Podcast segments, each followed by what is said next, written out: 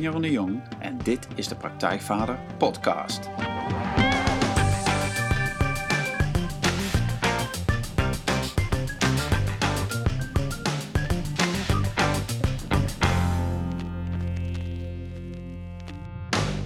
Welkom allemaal bij een nieuwe aflevering van de Praktijkvader Podcast. Hier is Jeroen de Jong en zoals altijd heb ik hier weer een uh, interview voor jou, uh, speciaal voor jou, met een inspirerende man. Uh, want daar gaan de Praktijkvader Podcasts over. Verhalen, interviews met inspirerende mannen, met een verhaal over vaderschap, over man zijn. En die jou ongetwijfeld verder gaan brengen in jouw weg, op jouw reis, wat het is om een goede vader te zijn, wat dat is, wat dat voor jou betekent. En um, vandaag een uh, bijzonder moment voor mij, want ik zit hier uh, bij Tom van der Kroon. Hallo Tom. Hi Jeroen. Hey. Um, ja, Ton, uh, als je Ton niet kent, nou dan gaan we dat even goed inhalen het komende uur. Want Ton is een, ja, ik kan wel zeggen, een, nou, een fenomeen. Ton heeft, Ton heeft, um, is een van de eerste mannen die in Nederland begon met het geven van mannenworkshops. En dat doet hij inmiddels, nou, 20, 25 jaar heb je dat gedaan? Ja, 25 jaar. Ja, precies. En uh, hij schreef het boek De Terugkeer van de Koning. Uh, een bekend boek met meerdere drukken. En er is, een hoop exemplaren zijn ervan verkocht. Uh, dat is al 20 jaar geleden? Ja. ja. En dat is het boek voor mannen over liefde, lust en leiderschap. En dat is, nou ja, misschien wel het boek. Niet misschien, dat is het boek, mannenboek van Nederland. En nou ja, voor mannen die op zoek zijn naar het, wat het ja, wat het werkelijk betekent om een man te zijn in deze wereld. Uh, maar dat is veel meer, want Ton reist de hele wereld over.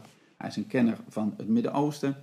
Uh, hij geeft dus workshops, wat ik al zei, mannenworkshops in Nederland, België, maar ook een Gaza-strook, Ibiza en hij heeft het ook in Rusland gedaan. En Ton is niet alleen ontzettend ervaren in het mannenwerk, maar uh, is ook een bijzonder spiritueel persoon. En heeft de kennis en het inzicht om de zeer diverse spirituele tradities en godsdiensten over de wereld met elkaar ja, in verband te brengen en analyses te maken, die ook voor, ons, voor onze huidige situatie uh, van belang zijn. En daarnaast is Ton ook gewoon een, gewoon een bijzondere, fijne en inspirerende man. En vader van een inmiddels uh, volwassen dochter, ja, Raya. Ja. ja. En, Ena, volgende week wordt ze 21. Volgende week ja. is ze echt volwassen.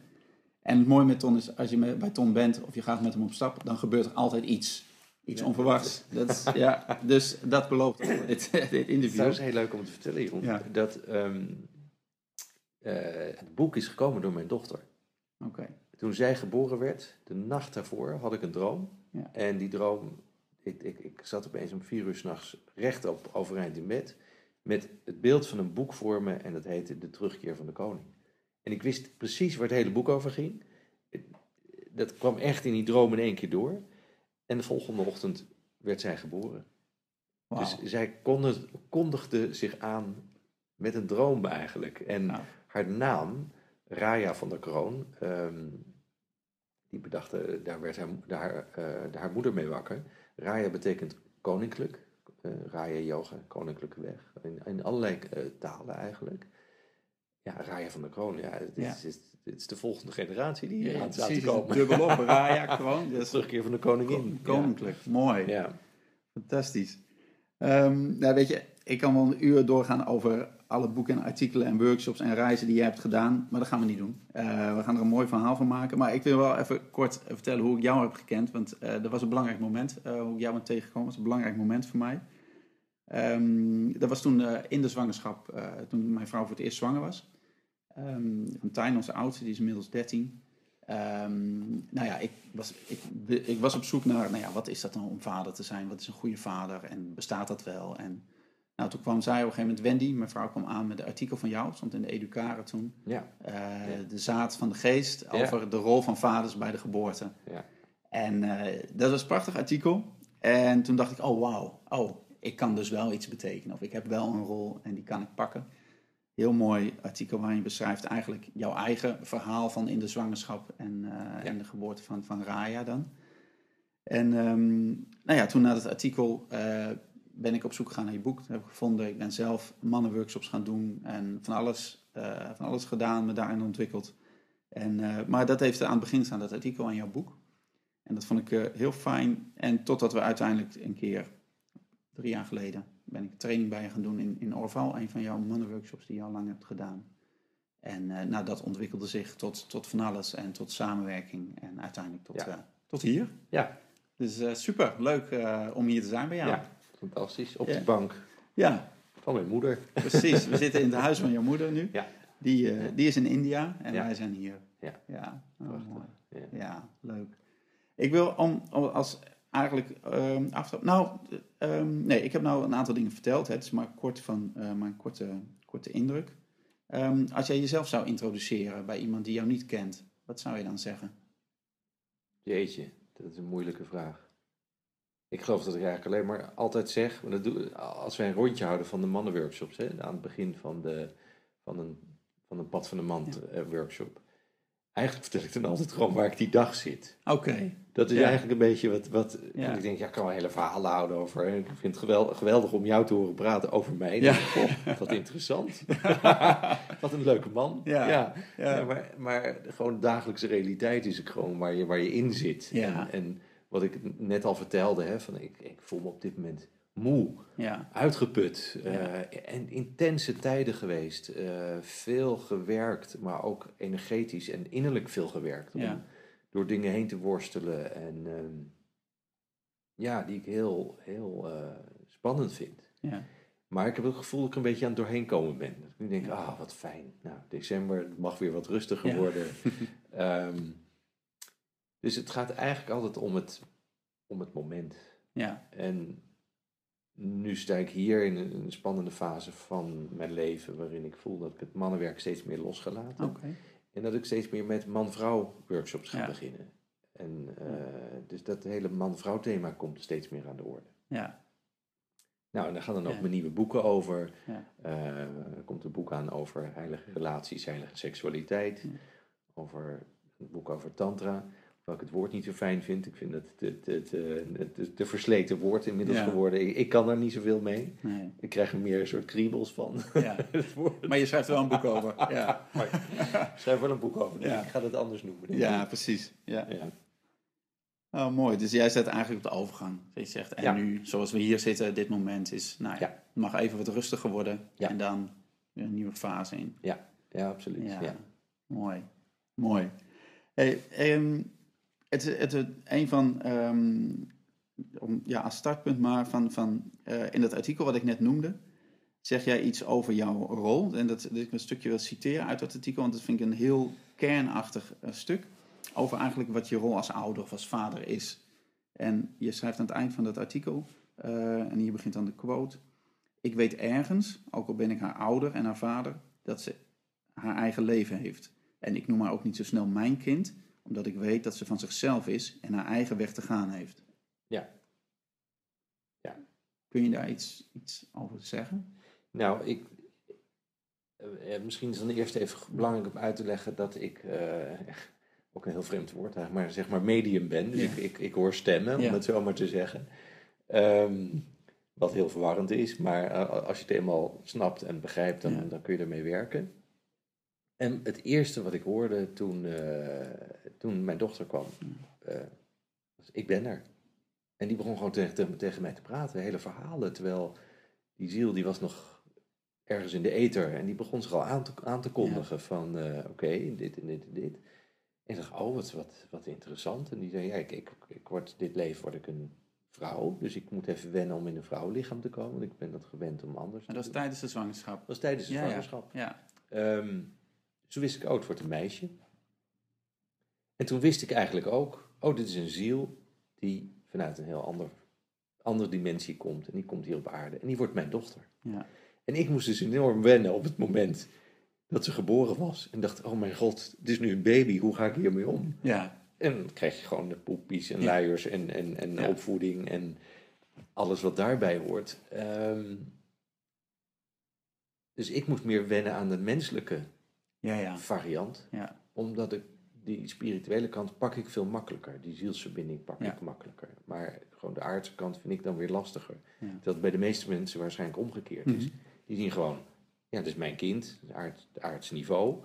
En kom je er langzaam achter dat een kind gewoon een eigen bestemming heeft, een eigen ziel, een eigen weg. Ehm, Ja, en heel vaak wat ik ook vind in, in, in, in ja, maar waar vind je dat in de bladen, is dat een kind zo als een kind wordt gezien. Dus ik denk, Ja. dat is niet zo.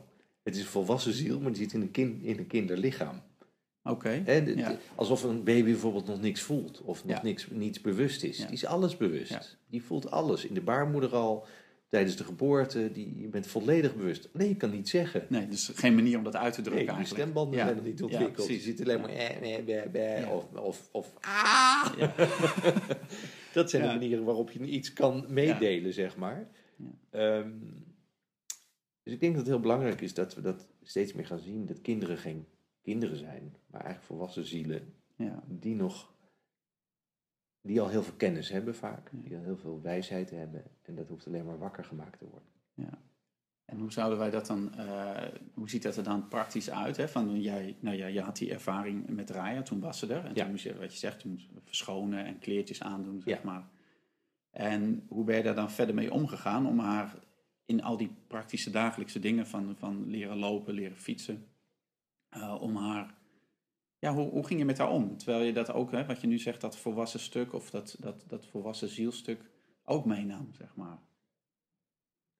Ehm, nou, voor mij was het meer de, de taak om haar echt als kind te zien. Ja, Dus, eh, en, en ja, gewoon de liefde die er is, zorgt ervoor. Hè. Dat is het, Ja. Ik denk elke ouder voelt dat. De- Er is zo'n overstijgende liefde. Dat je een deel ook van jezelf ziet. ja, En, ehm, en is het heerlijk om dat te doen. En, en daarna school brengen en, en weer terug. En, ja, ja, dat, je, je wil eigenlijk niks liever. Ehm, ik weet nog de laatste, de laatste keer dat ik haar op de tram zette. Dat staat me nog helder voor de geest. Oh, ze ging alleen naar school.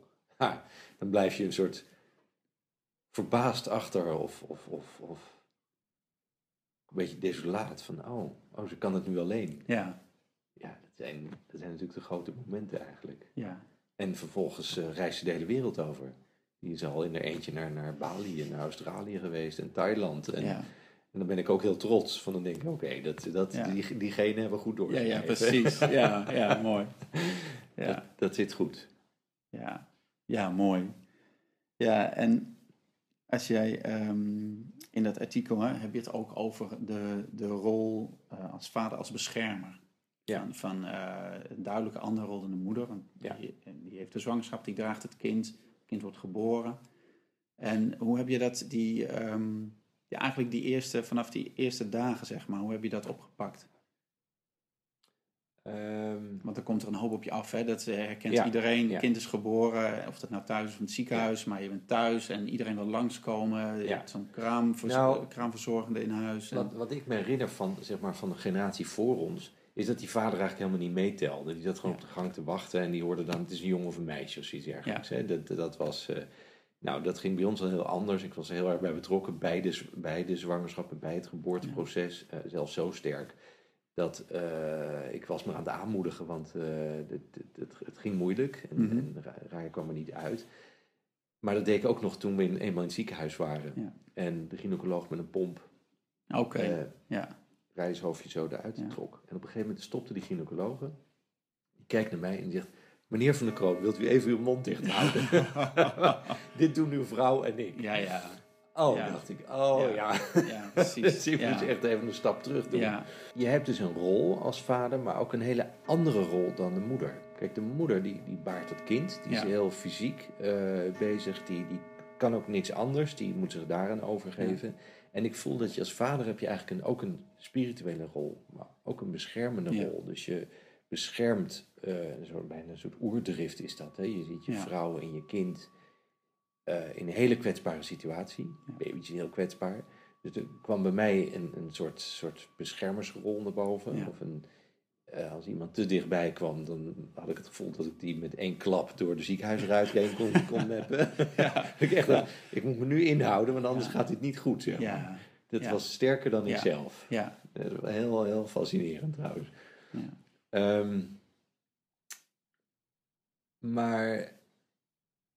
En de spirituele rol was dat ik voelde dat de vrouw baart het lichaam.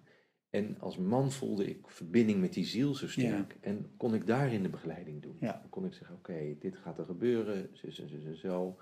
Dus ik, je, je hebt een... Het is heel belangrijk dat de man zijn rol neemt. ja.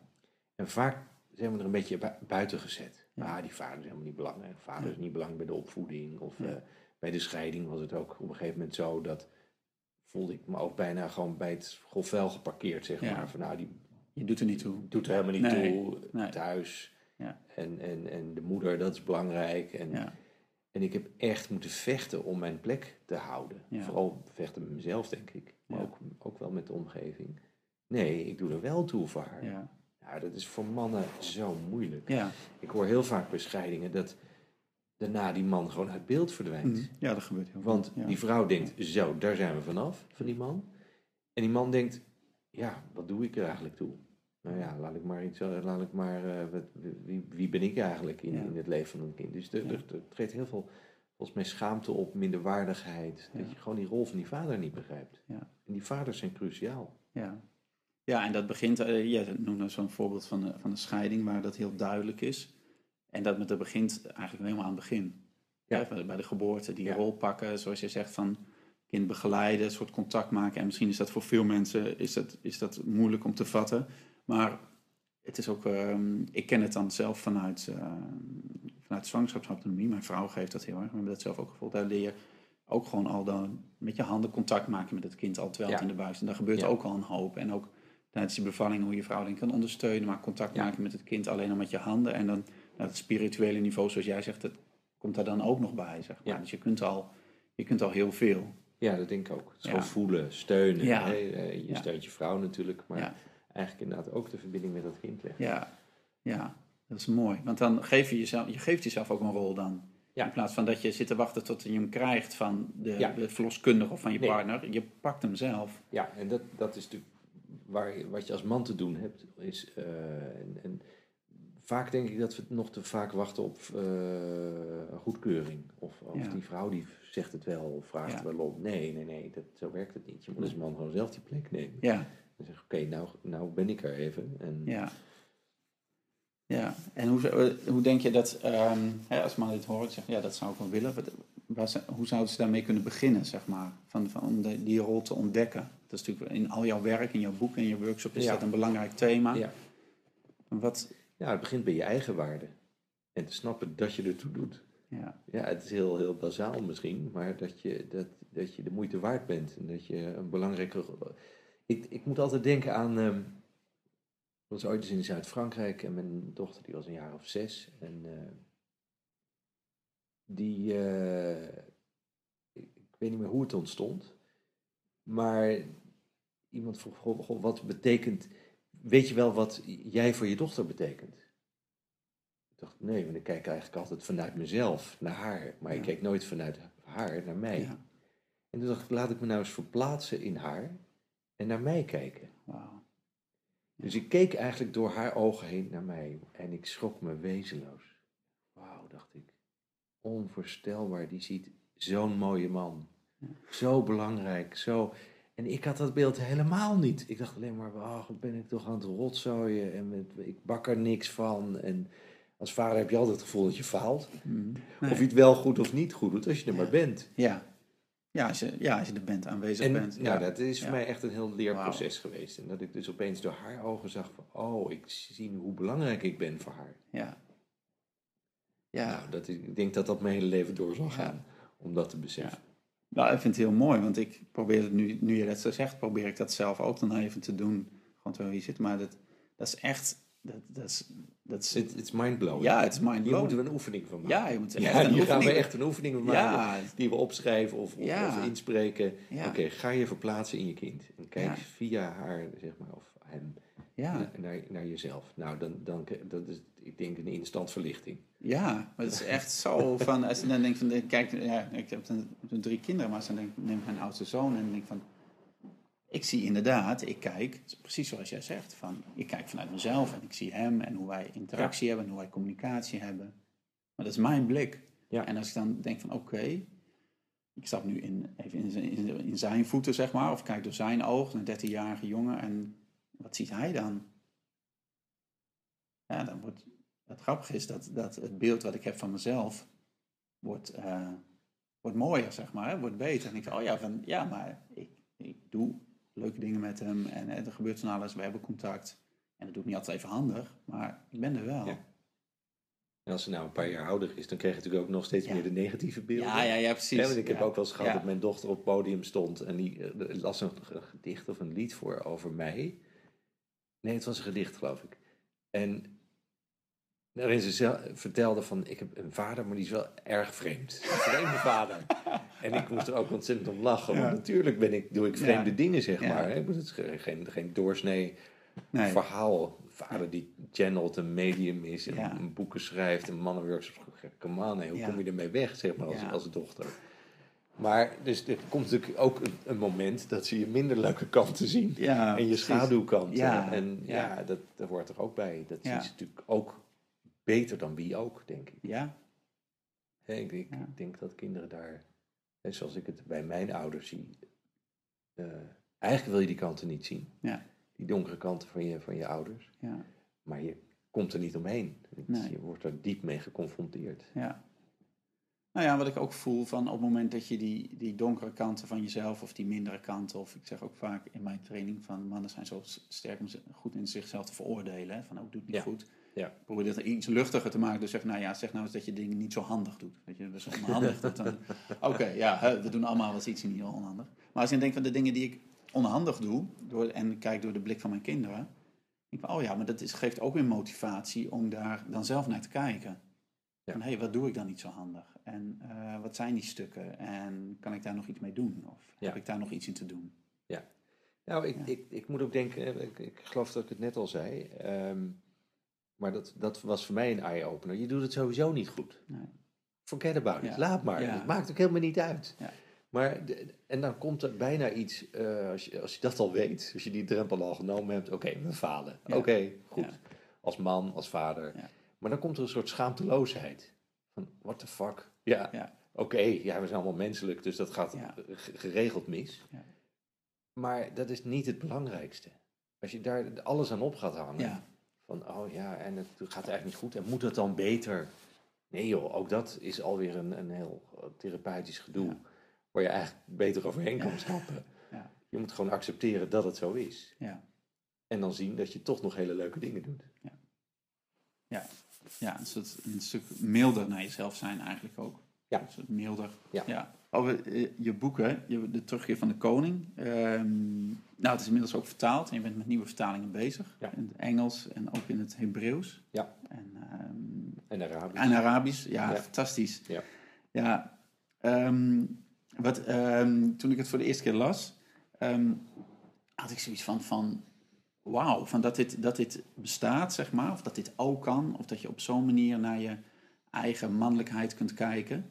En wat ik ook dacht van, ehm, ik heb dit nog nooit eerder gehoord. Waarom, hè, ik was eh denk ik 28 toen ik dat las, waarom lees ik dit nu pas? Toen je hebt het over thema's als de afwezige vader, verbinding tussen lust en liefde, ehm, de rol van mannen in de maatschappij, ook de verbinding tussen mannen natuurlijk is een belangrijk thema. Ja. En je legt het uit aan de hand, op een hele mooie manier, aan de hand van oude verhalen, films, boeken. En dus het is allemaal heel beeldend, we snappen het allemaal. Tenminste, dat was, voor mij kwam het gelijk binnen. Waarom was dat er nog niet, dat boek? Kun je dat zeggen? Waarom was dat er nog niet? Of wat zijn we kwijtgeraakt? Of wat zijn we niet meer gaan doen? Nou, we, we kwamen natuurlijk uit de tijd van de emancipatie en het feminisme. Daarin ben ik groot geworden. En mannen waren de boemannen, de klootzakken, degene die het helemaal verpesten op aarde. De, de, degene die, die afwezig zijn of, of, of de boel verpesten. ja, Zo ben ik opgegroeid. Met, met de, opzij en met, met, met en, en de verhalen van mijn moeder met de buurvrouw. En, en, en mijn vader was er ook niet. Nee. Dus ja, dit, dit, het Ja. klopt allemaal. Ja, Ja. Dit als man had je- was je eigenlijk was je helemaal niks. ja, Dus de eerste generatie mannenwerk, mannenworkshops, dat was eigenlijk vooral veel schuld en boete. ja, En hoe kunnen wij voldoen aan de wensen van de vrouw? Liever moest worden, meer eh, moest voldoen aan de wensen van de vrouw, meer de vaat moest doen, of Ja. de vuilnis buiten zetten, of meer je emoties tonen. Maar e- eigenlijk heel erg naar de wensen van de vrouw. omdat het al die jaren hadden we er een zootje van gemaakt. Ja, hadden dus het helemaal we verkeerd ons- aangepakt. We moesten zachter worden, we Ja. moesten softie worden.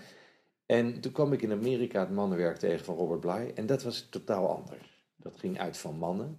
Waar, wat willen mannen? Wat wil de man? Ja. Robert Bly schreef het boek De Wilde Man. Ja. En daar ontstond een hele nieuwe traditie van eigenwaarde van mannen. Oké, waar staan wij dan voor? Wat, wat is onze energie? Wat willen we precies? En wat willen we niet? Nou, dat vond ik een totale nieuwe eh, invalshoek. En dat werd uh, geschraagd eigenlijk door een aantal psychologen die er heel goed over nadachten.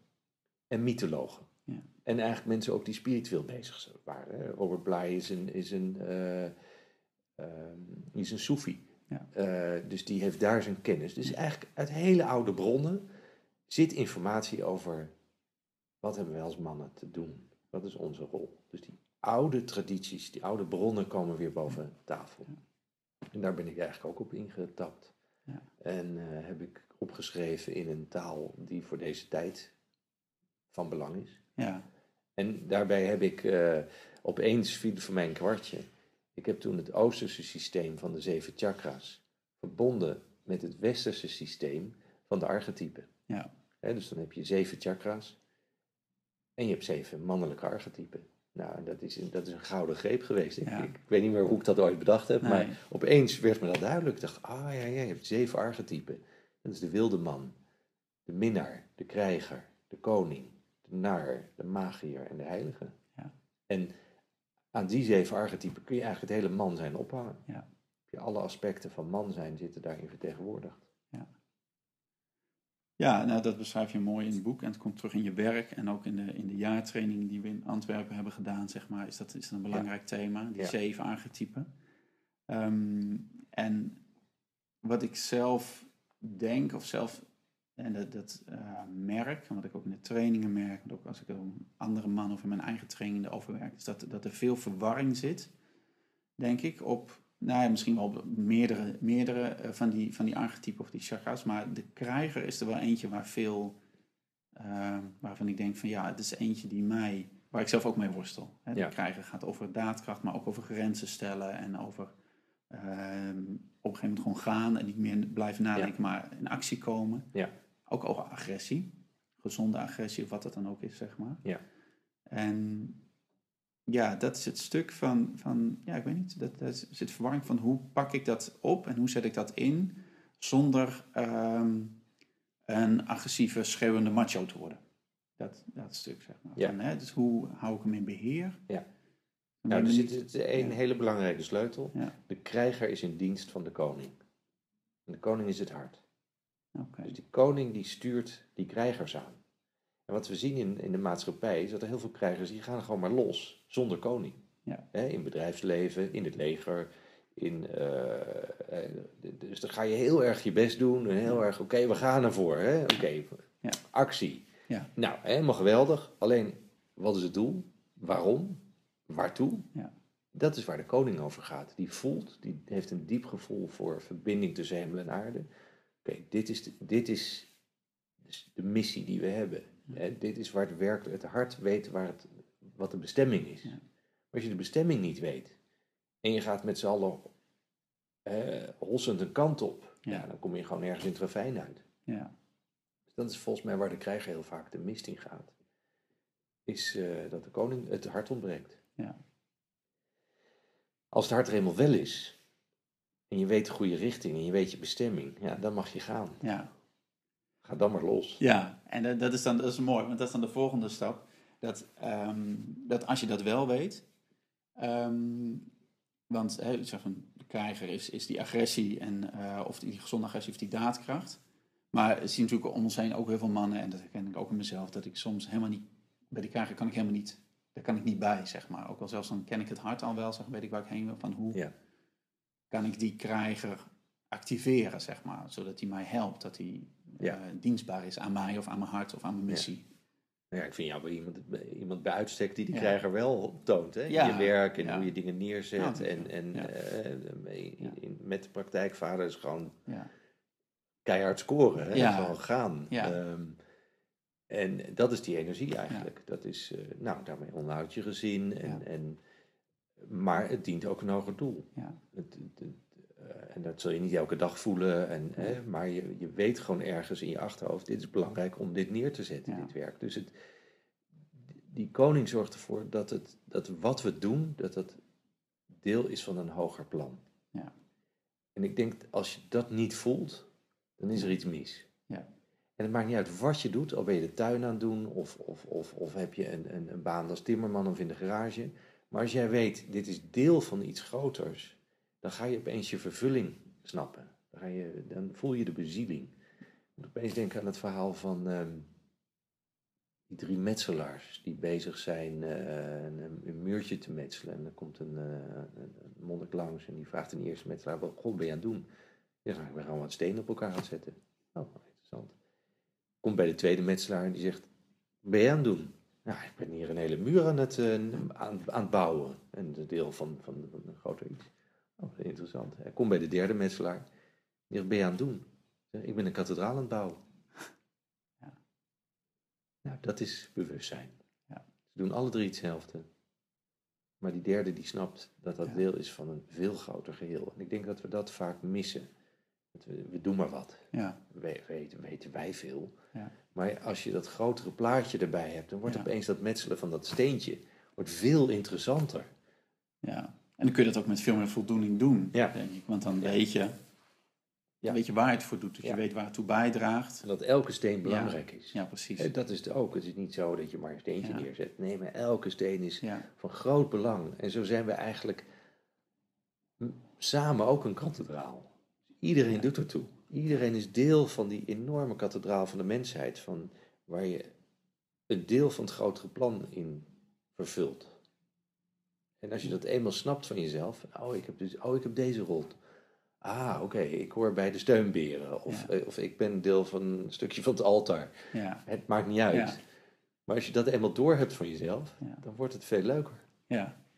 Wat ik, uh, wat ik zelf dan in mijn, in mijn training, dat maakt het wel heel erg uh, gewoon weer. Maar als het gaat over opvoeden en grootbrengen, dat, dat vaders um, of mannen van, uh, vaak ergens tegenaan lopen in de kleine praktische dingen. Ja. En, en dat we het allemaal fijn zouden vinden als onze kinderen gewoon in één keer zouden luisteren als we iets vroegen, zeg maar. He, van doe nou je jas aan, zeg die kleintjes, nou kom, dan gaan we eruit. Nou, dat werkt dan niet, want het kind wil heel iets anders. ja. En jij moet uh, op tijd weg of naar school brengen of zo. Ja. En zegt, ja, het zou fijn zijn als mijn kind dan in één keer zou luisteren. Ja. En, maar als je dan vraagt van naar het grotere plaatje, een beetje zoals jij het ook schetst, van ja, maar wat wens je voor je kind aan eigenschappen en kwaliteiten? Dan zeggen ze heel vaak, ja, maar ik wil dat hij zelfverzekerd is en assertief. En dat je mening durft te geven dat hij creatief is. Ja. En dat botst dan vaak met dat, met dat kleine van, ja, nou ja, zo gehoorzaam zijn is handig, zeg maar. Je wil het ene wel en het andere niet. En als jij nu zegt van, ja, maar we zijn, het, het is een groter plaatje dan snap je, snap ik nu ook veel beter van, van die kleine dingen in het dagelijks opvoeden.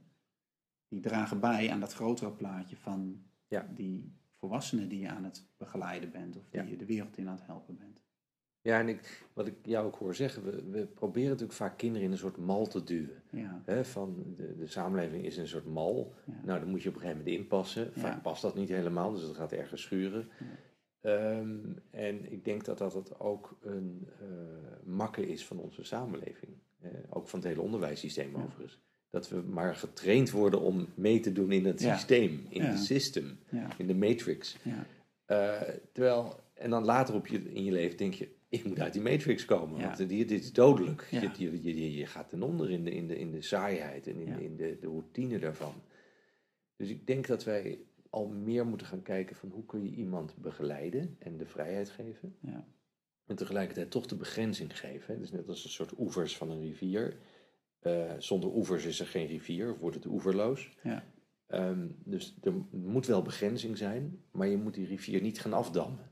Dus die moet wel vrij kunnen stromen. Ja. Een rivier zoekt zijn eigen weg. Alleen ja. daar moet je dus een beetje bij blijven. Dus volgens mij is het ook heel goed kijken naar kinderen van wat vragen die? Wat hebben die nodig aan, niet zozeer wat wij denken dat ze nodig hebben, of wat de maatschappij denkt dat zij nodig hebben, ehm, maar wat heeft een kind nodig aan om te ontwikkelen en te groeien, zodat die, de, haar of zijn steentje echt een steentje wordt wat kan bijdragen. En niet wat een soort kiezel wordt die, die lastig is, omdat het nou net even niet past in het... Uh, in onze samenleving. Nou ja, dat vraagt wel, dat vraagt wel wat van, eh, van, ons, als, of, hè, van ons als ouders dan. Dat we ook in, in alle hectiek en drukte en het leven wat we leiden, dat we inderdaad, ik ik ben het helemaal met je eens. Dat probeer ik zelf ook toe te passen. En dat, dat, dat je inderdaad de rust neemt om te kijken naar je kind. Ja. Van, om Ja. daarbij stil te staan van, hé, hey, wat Kijken, heeft hij nu voelen. nodig? Voelen inderdaad. Ja. En eerst maar eens even dat observeren en kijken en, en invoelen. En, ehm, want dan pas kun je...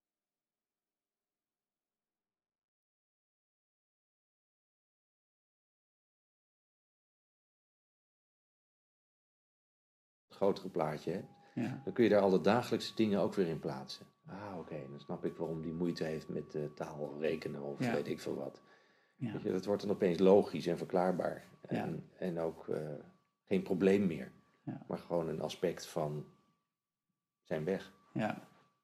En hoe kun jij zeggen van hè, iets, een voorbeeld vanuit jouw, eh, uit jouw leven met Raya dan, vanuit je opvoeding met Raya, dat je daar een moment hebt van ja, toen zag jij wie zij was en kon je daar haar in begeleiden? Dat je, Ehm, nou, dat had ik dus eigenlijk al heel vroeg. Ja. Maar ik vond het dus, wat ik al zei, moeilijk om gewoon die praktische kant Ja. eh, erbij te pakken. En, en daar, ook, daar moest ik echt op gewezen worden. En waarschijnlijk nog steeds hoor. Dat ik nog altijd moet nadenken. Oh ja, ik ben wel de vader. En ik moet die, die, die, eh, die rol.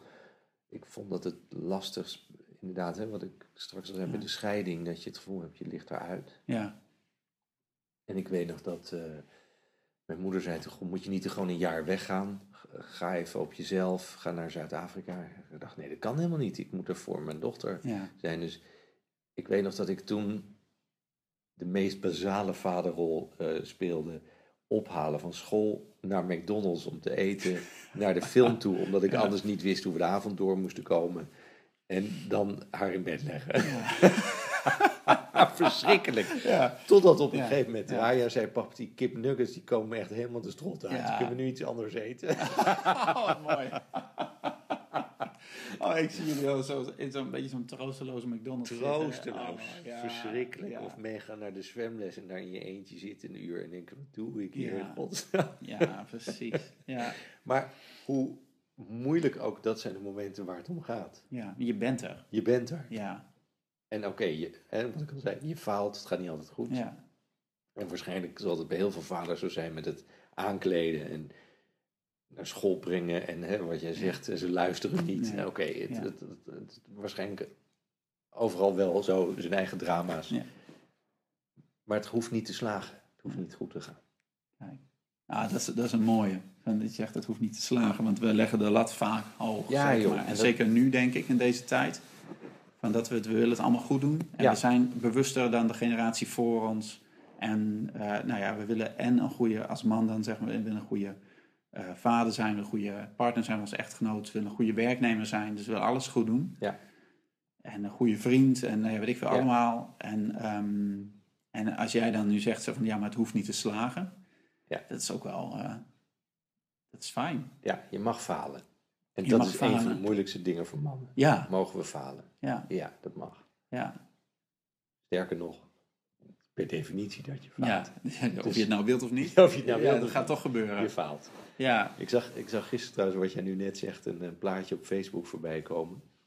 Had een man gepost en er staat op eh, wat je moet doen om vrouwen, nee, om mannen tevreden te stellen. En dan staan daar, geef hem te eten, slaap met hem, eh, accepteer hem zoals die is, of zoiets dergelijks. Vijf, vijf regeltjes. En dan komt er wat je moet doen om vrouwen tevreden te stellen. En dan komt er zo'n lijst van wat je moet zijn als man voor de vrouw. Of waarschijnlijk ook het beeld wat wij zelf hebben. Inderdaad, Ja. een goede minnaar, een leuke vader, een kostwinnaar. Die de veel genoeg tijd heeft, maar ook haar de ruimte geeft. Nou, die lijst Ja. ging door met 35 punten. en wat je dan absoluut allemaal niet moet doen, dat waren er ook nog een stuk of tien. ja, En dus we hebben een soort lijst van eisen. ja, Een eisenpakket, wat, Ja. waar gewoon niet aan te voldoen is. nee, Het is absurd. nee.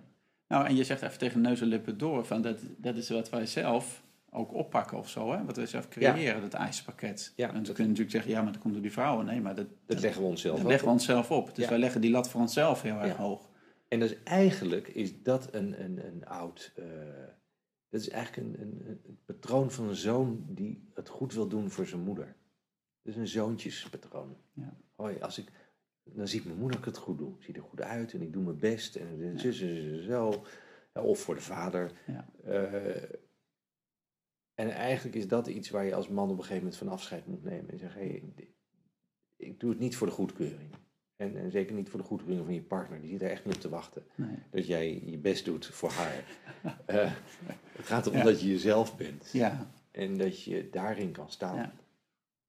Ja. dat is mooi, want dat is dan denk ik ook van, dat is waar je partner, hè, die is daar ooit voor gegaan waarschijnlijk. Die is daar ooit Ja. op gevallen, op de, jouw kern. Waar, daar word je, Ja.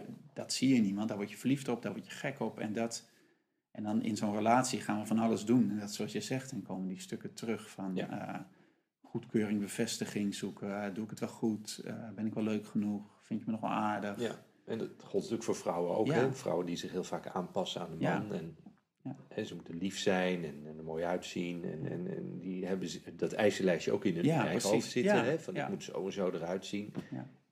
Terwijl dat voor ons eigenlijk helemaal niet belangrijk is. Nee, nee. Wij denken, ah joh, maakt het uit. Ja. Ja, Ik vind en gewoon leuk, leuk. Ja, maar, het, het is niet van essentieel belang. Ehm, dus je praat elkaar dat ook ontzettend aan eigenlijk. Of je praat jezelf dat aan. ja. En dat is vaak wat een relatie ook eh, stroever doet lopen en, en, en eigenlijk sa- saai doet maken. Ja, want je bent naar de ander aan het kijken. Ja. In plaats van dat je je eigen Ja. kern als je waarheid... aanpassen. Ja. En als, in die workshops werk je daar natuurlijk veel mee, ook met dat soort dingen. Ehm, en het boek gaat erover. Maar dat, dat losmaken van, van de moeder, of, dat, dat is, of van de vader, zeg maar. Ja. Ehm, vroeger werd dat gedaan. eh, of vroeger, het is eigenlijk nog vroeger. Of ehm, met rituelen werd dat Ja. gedaan. Of in, op sommige plekken in de wereld gebeurt dat soms nog steeds. Eh, wij doen dat niet meer. Of wij hebben dat, hè, maar wat zouden we wel kunnen doen om, eh, om zo'n stap te maken? Eigenlijk zoals je zegt, van jongetje naar man. Hè? Van jongen naar man. Van jong Ja. volwassen man. Ja. En bij vrouwen gebeurt dat geleidelijker, want die hebben op een gegeven moment de menstruatie en die worden fysiek vrouw. Ja. Hè, dus dat is een, dat, dat is een duidelijk, duidelijk punt. Eh, maar, en ook daar zal, eh, i- i- is iets nodig, zeg maar, om, dat, om die psychologische volwassenheid te krijgen. Maar bij mannen is dat nog sterker, denk ik. Je moet van die jongetjesrol af. Ja. Want anders blijf je of een braaf jongetje, of een rebels jongetje, of, eh, of een jongetje die heel erg zijn best doet. Maar om man te worden moet je die spirituele identiteit gaan vinden. Wat is mijn taak? Wat is mijn rol in het leven? Wat, heb ik, wat kom ik in vredesnaam doen op aarde? Ja. Dus het grotere plaatje moet Ja. je hebben. En bij die indianen ging je dan een, een, een week of een paar weken de bossen in. En je at niet. En je kreeg eh, waarschijnlijk paddenstoelen te eten Ja. of iets dergelijks. Ja, ja, precies. Waardoor je vis- visioenen had en hallucinaties. En op een gegeven moment wist van, dit is mijn taak. Ja. En dan kreeg je een nieuwe naam. eh, en dan werd je opgenomen in de cirkel van de mannen. Ja. En dan vanaf dat moment was je geen zoon meer, maar je was een man. Nou denk ik niet dat we dat soort oude patronen weer terug hoeven te halen. Maar het, het vergt wel eh, in onze cultuur dat we een, een, een eigentijdse vorm gaan creëren van initiatie. Eh, en dat jongens, jonge mannen weer zin krijgen, letterlijk en figuurlijk zin krijgen in het leven. Zodat ze snappen, oh ik hoor daarbij. Ja. Eh, maar volgens mij een van de grote drama's die we hebben zien gebeuren, net met die aanslagen in Parijs. Ja. Iedereen schrijft, ah, het zijn terroristen. Nee, het zijn jonge mannen. Het zijn mannen van 27, 28 of twe- eh, hoe oud ze ook zijn, die gewoon de zin niet meer zien. Die, die, die snappen hun rol niet meer in het ge- geheel. En die denken, nou, als wij dat toch niet doen, nou, dan gaan we de, de rest ook wel even naar de haaien helpen. Dus die zijn zo desolaat, omdat ze eigenlijk totaal geen functie hebben, geen, geen zingeving. En beginnen dus het systeem te vernietigen. Terwijl wat ze moeten doen, is loskomen van hun rol Ja. en gaan zien welke plek zij hebben in de samenleving. Ja, en dan in een soort opbouwende rol in plaats van een afbrekende in een rol. constructieve Ja, Eigenlijk is dat, een terrorist zou je kunnen zeggen, is de negatieve kant van de wilde man. Die slaat door. Ja. De positieve kant van de wilde man is de, de creativiteit, de potentie die in iedereen verscholen zit. En, eh, en de volwassenheid. Ja, dat is eigenlijk al die aandacht en voorbereiding en zorgvuldigheid waarmee de terroristische aanslag wordt gepleegd. Die energie, die zou je hè, in een gezond systeem zou je die om kunnen zetten, diezelfde energie, om een creatieve daad of iets creatiefs. Ja, Ja. want als je kijkt naar wat is nou de betekenis van die aanslag, we worden wakker. ja, Wij zijn natuurlijk in, in Europa in een enorme comfortzone. Ik, ik zeg altijd, wij zitten op het hoogste dek van de Titanic. En we zitten nog gezellig te eten, terwijl die onderste dekken staan helemaal onder water. Ja. Dat is al sinds twee- 2000, zou je kunnen zeggen. En, en al die mensen uit die onderste dekken, die komen naar boven toe, naar ons dek. En die zeggen, ja, wij moeten ook overleven. Ja. Dus de Afrikanen en, en, en, de, eh, de Marokkanen en de Turken. En nu komen opeens de, de, de Syriërs erbij. Maar dat water staat inmiddels op dek 5. Ja. En nu komt het ook bij ons binnen. Eerst bij Frankrijk in die aanslag, Ja. België, Ja. Binnenkort in Nederland. Binnenkort in dit theater. Ja. Hè, gaat er iets gebeuren waarvan wij denken, oh, het water staat aan de lippen. Ja. En dus het maakt ons wakker. Dat is de functie die zij hebben. eh, waardoor er bewustzijn komt van, hé, hey, we leven niet alleen hier in onze veilige, rijke Westen. Waarin we ook nog volop klagen over hoe slecht het er al wel niet hebben. ja, dat kunnen wij goed De treurigheid zelf. Maar dat wakker maken, dat is eigenlijk de wildeman-energie. Die zorgt voor, hé, hey, word wakker. Het leven Ja. is veel waardevoller, veel groter, veel complexer. En wij staan niet los van het Midden-Oosten. En dat is een van de dingen Ja. waar ik nu veel mee bezig ben. Wij kijken naar het Midden-Oosten alsof dat op het televisiescherm gebeurt. Ver weg van ons bed. Dat is echt niet waar. Het is deel van ons verhaal. Ja. Dus wildeman-energie is, Ja. eh, creëert bewustzijn. Ja. Hey, en jij zegt het, hè? Je schetst dat beeld van, en wij zitten boven dat dek van de Titanic. En wij zitten daar nu. Ja. Wij worden wakker geschud, nou, dat kun je wel zeggen. Eh, we reageren op totaal verschillende manieren op, allemaal hier. Maar wat zou dan, hè, jij kent die problematiek in het Midden-Oosten, je bent er veel geweest, je hebt er zelf gewerkt. Ja. Ehm, wat zou een gepaste reactie zijn dan van, hè, we kunnen die, die, die, zoals je zegt, die jonge mannen die de aanslagen plegen, die kunnen wij nu niet veranderen. Nee. Maar wij kunnen wel zelf een actie kiezen of een handeling kiezen of een Ja. gedachte kiezen. Ja. En wat zou volgens jou dan, wat zouden wij nu kunnen doen? Terwijl we boven op de Nou, wat je net zitten. zei eh, over kinderen eerst kijken, voelen. Wat gebeurt er nou? Wat is hier nou gaande? In plaats van direct in een soort handeling schieten, de krijger. Ja, Hè, ik, zou- ik zou maar zeggen, Hollande, ja, een beetje zachte man. Hè, Ja. Een beetje softe man. Dat je denkt, nou, daar komt niet veel uit. Die schiet opeens in zijn krijger. En die denkt, weet je wat? We gaan Syrië bombarderen. En dan ga ik samen met Poetin... Come on, hey. Ga even nadenken, man. Ga eerst een mannenworkshop doen. Ga Ja. bij jezelf na. Ja. Waarom ga je Syrië bombarderen als de aanslagplegers uit Molenbeek in Brussel komen? ja, ja, Wat is dat voor een onzinnig idee? Ga dan Molenbeek bombarderen als je dat Ja. toch graag wilt bombarderen. Lijkt, niet, lijkt me geen goed plan. Nee. Maar dan zie je direct de onnozelheid Ja, ja, ja. van de reactie. ja. Ik denk, nee, dat is, nou, dat is echt niet de meest slim. Tuurlijk moet je handelen. Je, moet er een, je, je moet optreden. eh, want je kan dit niet grenzeloos laten Nee. gebeuren. Maar niet dit. Nee. Want dit is het recept. Hè, Raqqa bombarderen. Over tien jaar zijn de jongens die dat bombardement hebben overleefd. Dat zijn de volgende terroristen Ja. die naar ons toe komen. Ja. Want die zeggen, waarom zijn wij gebombardeerd? Ja, omdat jullie per ongeluk eh, de, de zondebok waren voor ons. Ja. Dat is ook zoals ISIS is ontstaan. Uit de bombardementen van 2003 door Bush en Blair Op Irak. op Irak. Ja. Die, hele, die hele samenleving is vernietigd. Grote burgeroorlog geworden, is nooit meer goed gekomen. En dat is de voedingsbodem Ja. voor jonge mannen in Ja. Irak die ISIS zijn geworden. Ja. Door ons toedoen. Ja, Dank u wel. ja, En die boodschap krijgen we nu terug. En als we dat gaan zien, dat we dus de, de samenhang gaan, gaan zien, ja, dan ga je drie keer nadenken. Oké, wat is nou een verstandige handeling? Ja. En dan heb je die koning nodig, die die krijger ja, onderwijst en zegt: Oké, dit gaan we wel doen en dat gaan we niet doen. ja.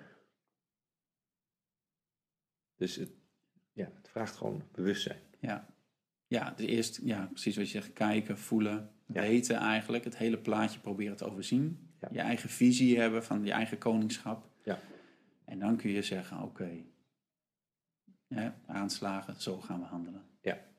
Dus het, het vraagt ook, eh, je zou kunnen zeggen, schieten we nu in de angst of in de liefde? Ik denk dat angst gaat vooral, drijft op vooroordelen, emoties, eh, geen bewustzijn, eigenlijk on- onwetendheid.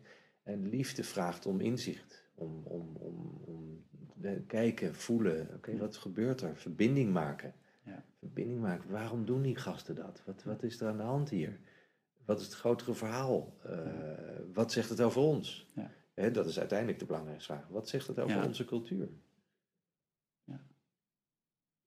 En het is niet omdat we nou een soort eh, onszelf moeten gaan, eh, eh, hoe zeg je dat, schuldig gaan afranselen. afranselen. Ze vanuit Ik zocht de even het boetedoening. woord. Ja, boetedoening. boetedoening, ja. Ja. Ja, het gaat gewoon puur om, om inzicht krijgen. ja. En dan handel je anders.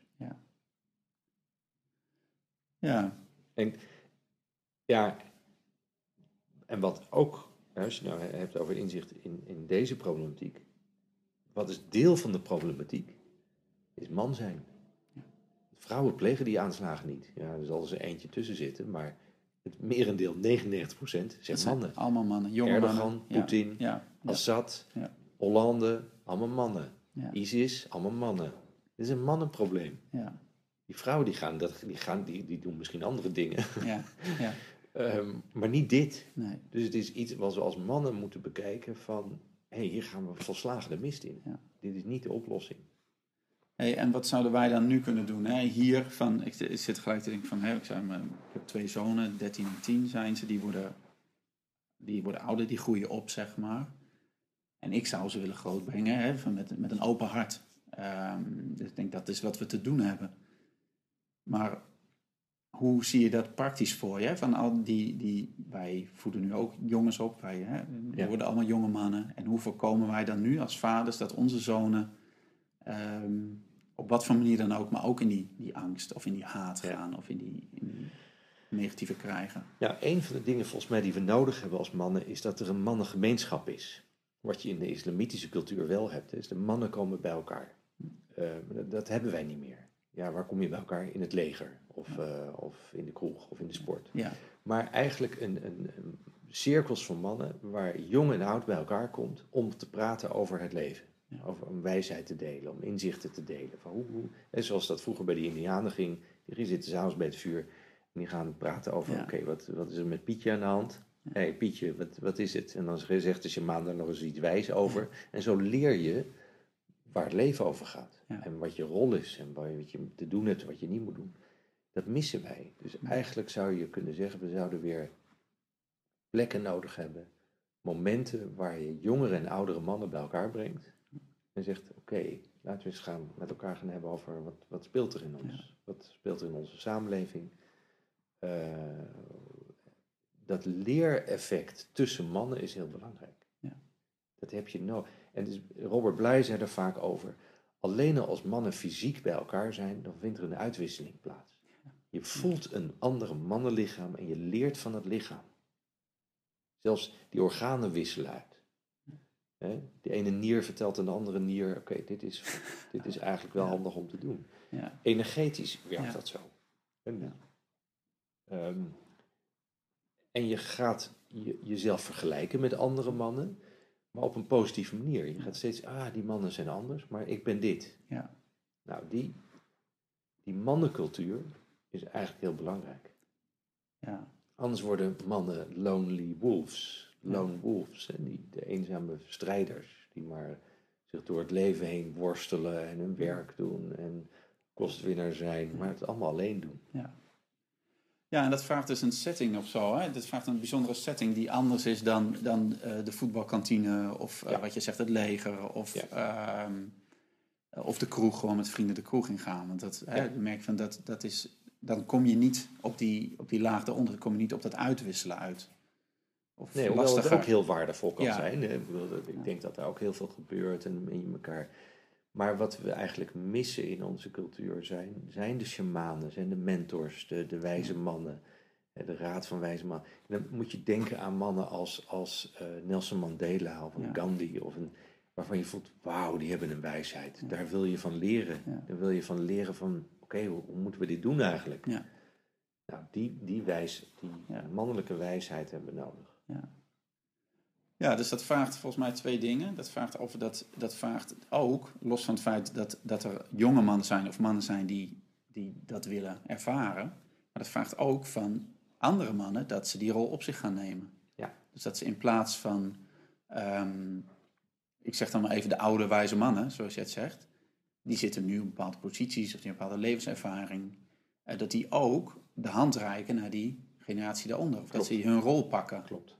En dat ze niet alleen maar zeggen, ja, maar die jongeren die willen niet. Maar Ja. dat eh, vraagt ook van, hé, hey, ik stel me dienend op, dat koningschap eigenlijk. Ja, ja, en dat is eigenlijk nog een gemis ehm, dat, dat we dat als oudere mannen niet doen. Ja. Dus we, hebben, we creëren geen bedding, we creëren geen plek waar we die jongeren uitnodigen en zeggen: Oké, kom maar.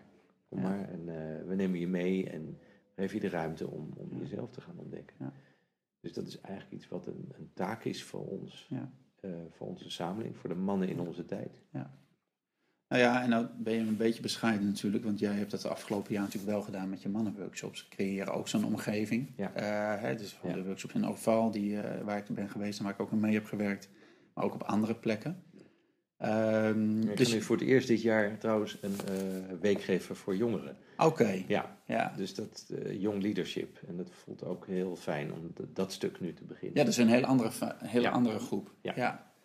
Maar ja, van in die workshops pak je wel die rol op, zeg maar. Je, je creëert de plek en Ja. je gaat en je, hè, met, een, met een team, met, met Jan Roelofs, maar ook met een team van assistenten of begeleiders, ga je dat, ga je dat in en zet Ja. je dat neer. En creëer je die plek waar mannen op zoek kunnen gaan, zich kunnen verbinden, op zoek kunnen gaan naar zichzelf. En er zijn ook steeds meer mannencirkels, hè? mannen, Ja. groepen die gewoon bij elkaar komen, Ja. één keer in de maand of zo, rond een eh, kampvuur en Ja. eh, gewoon, gewoon zitten en praten. Ja, ja dus dat, dat is wel mooi om te zien dat dat, dat, dat groeit. Hè? Van, dat, Ik denk dat jij bent een van de eerste die dat in gang heeft gezet. En nu zijn we nou ja, 20, 25 jaar verder. En zie je dat dat, dat, dat groeit. Dus dat vind ik ook een hoopvolle Ja. gedachte. Dus dat Ja. we, ehm, we zien natuurlijk, het is makkelijk om te kijken naar wat er, wat er niet goed gaat. En dat zien we. Maar er gebeurt ook wel een hoop. De Ja. mannen verbinden zich veel meer. En dat zie ik natuurlijk ook in de, in de training die ik zelf geef. Dat, er gebeurt wel iets. Dat is, eh, Ja. Dus dat is, dat is Het- mooi. het- Het wordt ook gewoner, denk ik. Het zijpelt langzamerhand door. Ja, het- je, hoeft, niet- je hoeft niet helemaal eh, eh, emotioneel er doorheen te zitten om, Nee. om bij elkaar te komen. Nee, precies. Dat is vaak een beeld. Ja. van, oh, er is iets ernstigs met je mis als je naar een therapeut gaat of naar een mannengroep. Of, of. Nee, dat is helemaal niet waar. Dit is gewoon, het is gewoon leuk eigenlijk. Ja, ja maar dat, is- dat is mooi dat je dat zegt. Want dat, dat, die vraag krijg je natuurlijk ook wel vaak van, ja, van, maar wat, wat doe je dan? Of waar, wanneer ben ik daar, kom ik daar voor een aanmerking? Ik zeg, nou ja, als je jezelf iets gunt, gun jezelf Ja. verbinding met andere mannen. Gun Ja. jezelf een plek waar je kunt opladen, waar je kunt groeien, waar je dingen kunt uitzoeken. En dat, die energie, en dat is natuurlijk hartstikke, Ja. dat is hartstikke mooi. Ja, ehm, ik heb, ehm, je hebt een hoop verteld en we gaan, gaan langzamerhand zo een beetje afronden. Maar ik heb nogal ehm, een paar, eh, nou twee, drie korte vragen voor jou, zeg maar. Van. Gewoon even uit nieuwsgierigheid. Van, Ja. eh, je, hebt, nou, je hebt heel de wereld rondgereisd, een hoop mooie plekken geweest. En ik ben benieuwd wat voor jou, nou, als je zegt van nou, dat is een plek van, ehm, daar zou ik zo voor lange tijd naar terug gaan. Want dat vind ik zo speciaal, zo mooi. Daar zou ik wel, ehm, ja, als ik ergens naartoe zou moeten gaan, dan zou ik, dat, zou ik die plek kiezen. Hmm. dat is een grappige vraag. Ja, Ja. Ehm, ja ik, mijn plekken waar ik gewoon wel, waar ik me happy voel, is, is Bali. Eh, vind ik een, een geweldige plek. Maar ook in Jericho, in Israël, Ja. is fantastisch. Gewoon voor mij thuis. Ja. Maar dat komt ook omdat ik de mensen heel goed ken. Ja.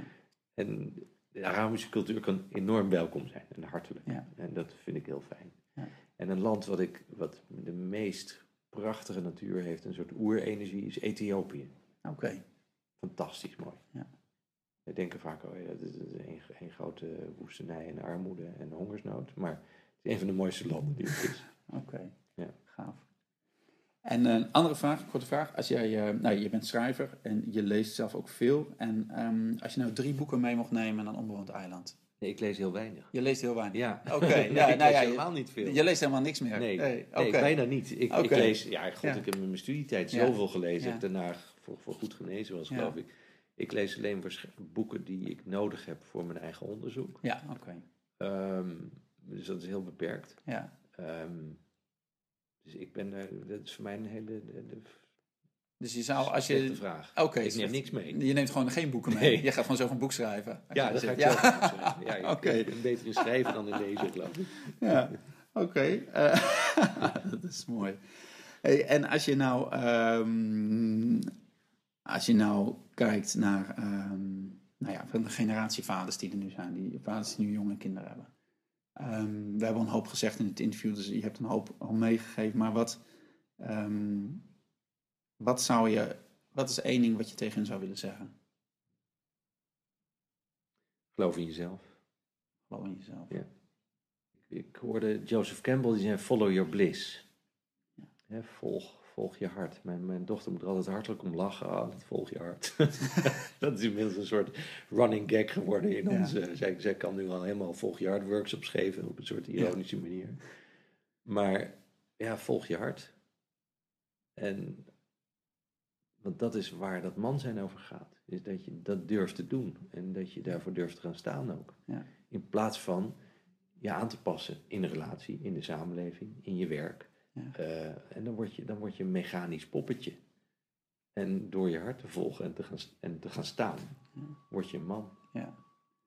Dus dat klein, klinkt eigenlijk tegenstrijdig, hè? het hart volgen om man te worden. Ja. Want dat klinkt dan weer eh, gevoelslaag. En dat soort, maar dat is eigenlijk, weet je, eerst je hart kennen, anders lukt het toch niet. Ja, je hart is, nou ja, dat is hè, zeg maar die, die koning. Ja, En die geeft de route naar je bestemming weer.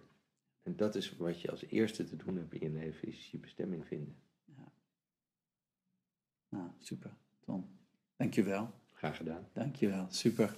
Ehm, ja, nou ja, en voor jullie allemaal eh, die luisteren, eh, fijn dat je luisterde. Echt eh, super.